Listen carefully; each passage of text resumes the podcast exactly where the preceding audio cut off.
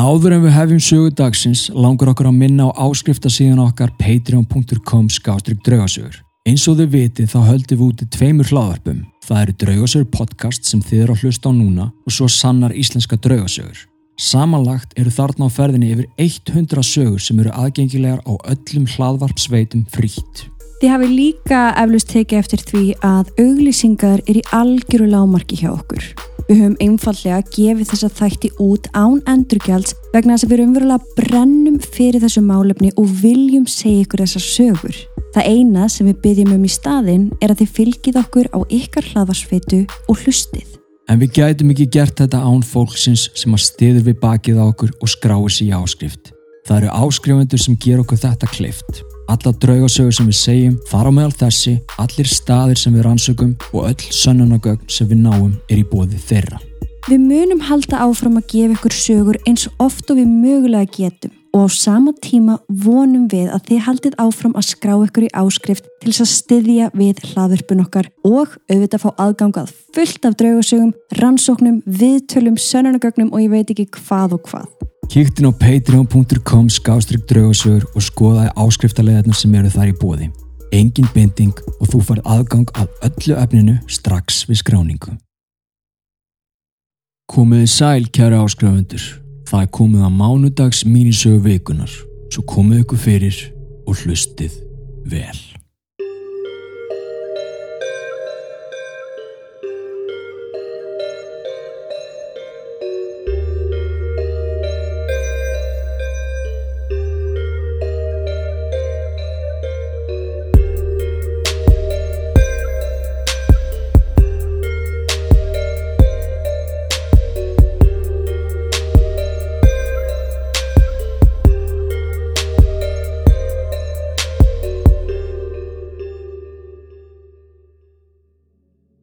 Dag ætlum við að ferðast til LA og heimsækja Griffith Park sem er skamt frá fræga Hollywood skiltinu sjálfu. Fyrir þá sem eru nýjir þá gerðum við mínisögu um Hollywood skilti á sínum tíma sem þið getur hlusta hér inn á Patreon. Þetta er vinsælgarður þar sem fólk hópast saman. Sólinn skín skært og mæltir með að fólk taki nægilega mikið vatn með sér ef það ætlar í fjallgöngu. Alls konar myrkraverk hafa samt sem aður átt sér stað innan garsins. Glæpir, sjálfsvík, morð og förgun og vilja sumru meina að landið sé bölvað. Við ætlum að færa okkur úr alfæra leið til þess að heimsækja einn ákveðin stað sem er vel þekktur í paranormalheiminum og ef maður veit hvert á að fara þá getur þetta ekki farið fram hjá manni. Við hliðin á göngustignum er gamalt borð. Þetta er svona típist borð fyrir lautarferðir, úr við með bekk til þess að setja á báðu megin. En ofan á miðjuborsins liggur risastórt tré, líkt og það hafi fallið ofan á borðið og ekki haggast síðan þá. Áttu þá við að tréð hafi fallið á borðið og sé bara þar ennþá? Rétt, Er það tala um bara stórt tré? við erum að tala um stórt tré, en þrátt fyrir það er borðið ekki brotið. Borðið hefur fengið nafnið Picnic Table No. 29 eða Lautarferðaborð nr. 29 og sagan á bakviða er ókvænleg. En áður en við förum í söguna þá langar mig til þess að sína ykkur mynd og þér líka steppi. Já, Hér sérðu borðið og þú sérð að tréð liggur bara þvert yfir það. já, þetta er svona típist lautarferðaborð eins og maður sér bara í skóraktafylgum við sver á Íslandi. Nefnum að það eru tvö svona först saman. Þetta er það stórt. Já, þetta er kannski... Svona tvöfald. Jú, ætli það ekki, þetta er allavega svona svolítið langt Þannig að tréð liggur einhvern veginn fyrir miðju eiginlega. mm og þetta er stórt tré. Hefur einhver prófað að haka við þessu? Já, það er nefnilega það. Sagan segir að eitt dimt Halloween kvöld árið 1976 hafi ungt par ákveðið að heimsækja garðin. Strákurum var 22 ára gamall tónlistamæður sem hétt Rand Garrett. Með honum var kærastan hans hinn tvítuga Nancy Jeanson sem var að reyna fyrir sér í heimi leiklistarinnar. Þetta átti að vera romantist kvöld í skóarjæðrinum en hvorugt er að vissi að nokkrum tímum síðar ættu þau bæði eftir að týna lífi sínu. Þau ganga um garðin og þegar þau sjá borðið það ákveðaði að stoppa. Þau voru ung og ástfangin og koma sér fyrir ofan á borðinu, ef þú skilur Ég hvað skil, ég á við. skil. Ok. En þá skyndilega hrinur risastór trjágrein ofan á þau bæði sem drepur þau á aðeins örfám sekundum. Ah, Mm Líkamar þeirra fundust daginn eftir og stuttu síðar var haldin jarðafur. Foreldrar þeirra ákvaðu svo að dreifa ösku þeirra á sama stað við borðið í gardinum svo þau gætu verið saman í framhaldslífinu. hættulegu leikur. Ég veit að eftir það fóru líka óökulegir atbyrðir að gera vart við sig við borðið og því er haldið fram að þarna sjó ferðinni Rand og Nancy.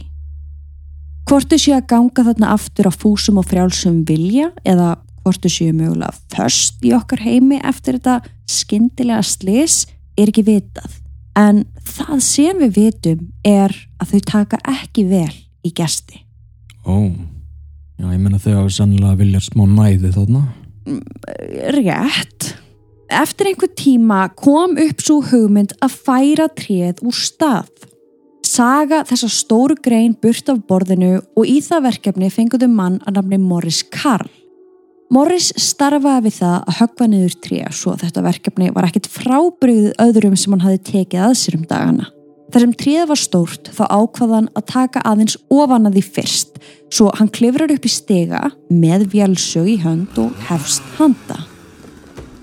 Þegar að toppurinn á trénu fjall í jörðina finnur hann hvernig ískaldur gustur þeitist í gegnum hann og munum, þannig sjóðandi heitt. Sólinn hátt á lofti svo hann fann vel fyrir þessu ískaldar lofti sem fór í gegnum hann.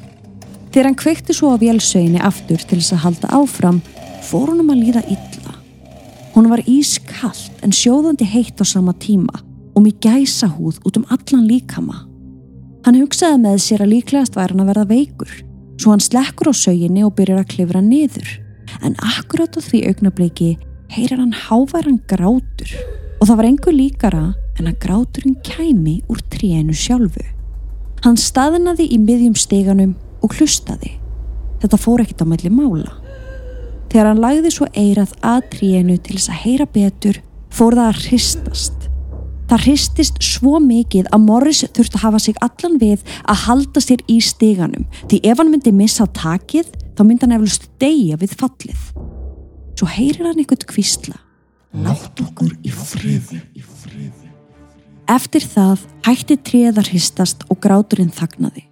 Morris var svo skelvingu lostinn að hann rendi sér niður stegan og settist upp í bíl.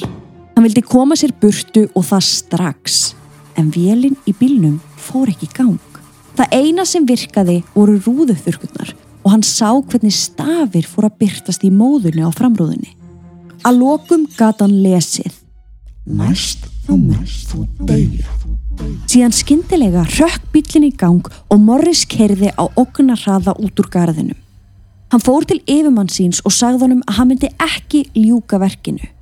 Yfirmaður hans Dennis Higgs varð bálreiður því verkið þurfti að klára og það í dag.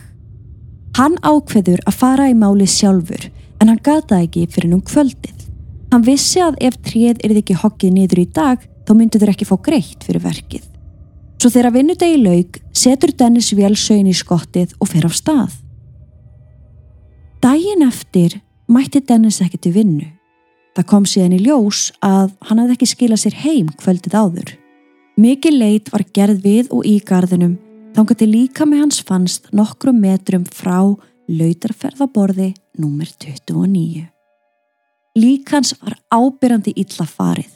Neglutnar á fingrum hans voru brotnar og blóðugar. Lögreglan taldi örugt að einhver hafi verið að draga hann að borðinu en það sem enginn gætt útskýrt var af hverju vélsögin hans var beigð líkt og u. Það var búið að taka vélsögina bygglana. og beiglana þannig að hún myndaði stafin u. Ó, Yep. Þó að lauruglan hafi fundið alls konar vísbendingar sem bentu til þess að andlátans hafi borið af með sagnamum hætti, þá voru ekki nægilegar sannanir til þess að ákjara neitt.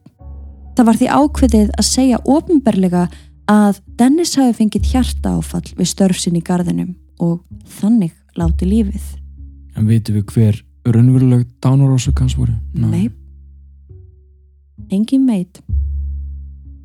Eftir þetta atveik fengur starfsmengar sinns skýra skipun um að halda sig frá borðinu og trénu. Láta það í friði, láta það eiga sig. Þeir sem hafa brotið þessa reglu til þess að svala forvittni sinni hafa flest allir lendi einhverju sem þeir kunna ekki útskýringu á. Fólk hefur fengið sveipaða viðvörun og morris fekk að ef þau komið sér ekki í burtu strax þá munið þau deyja. Einhverjur hafa heyrt geðveikislegan hlátur á meðan aðrir heyra í einhverjum gráta.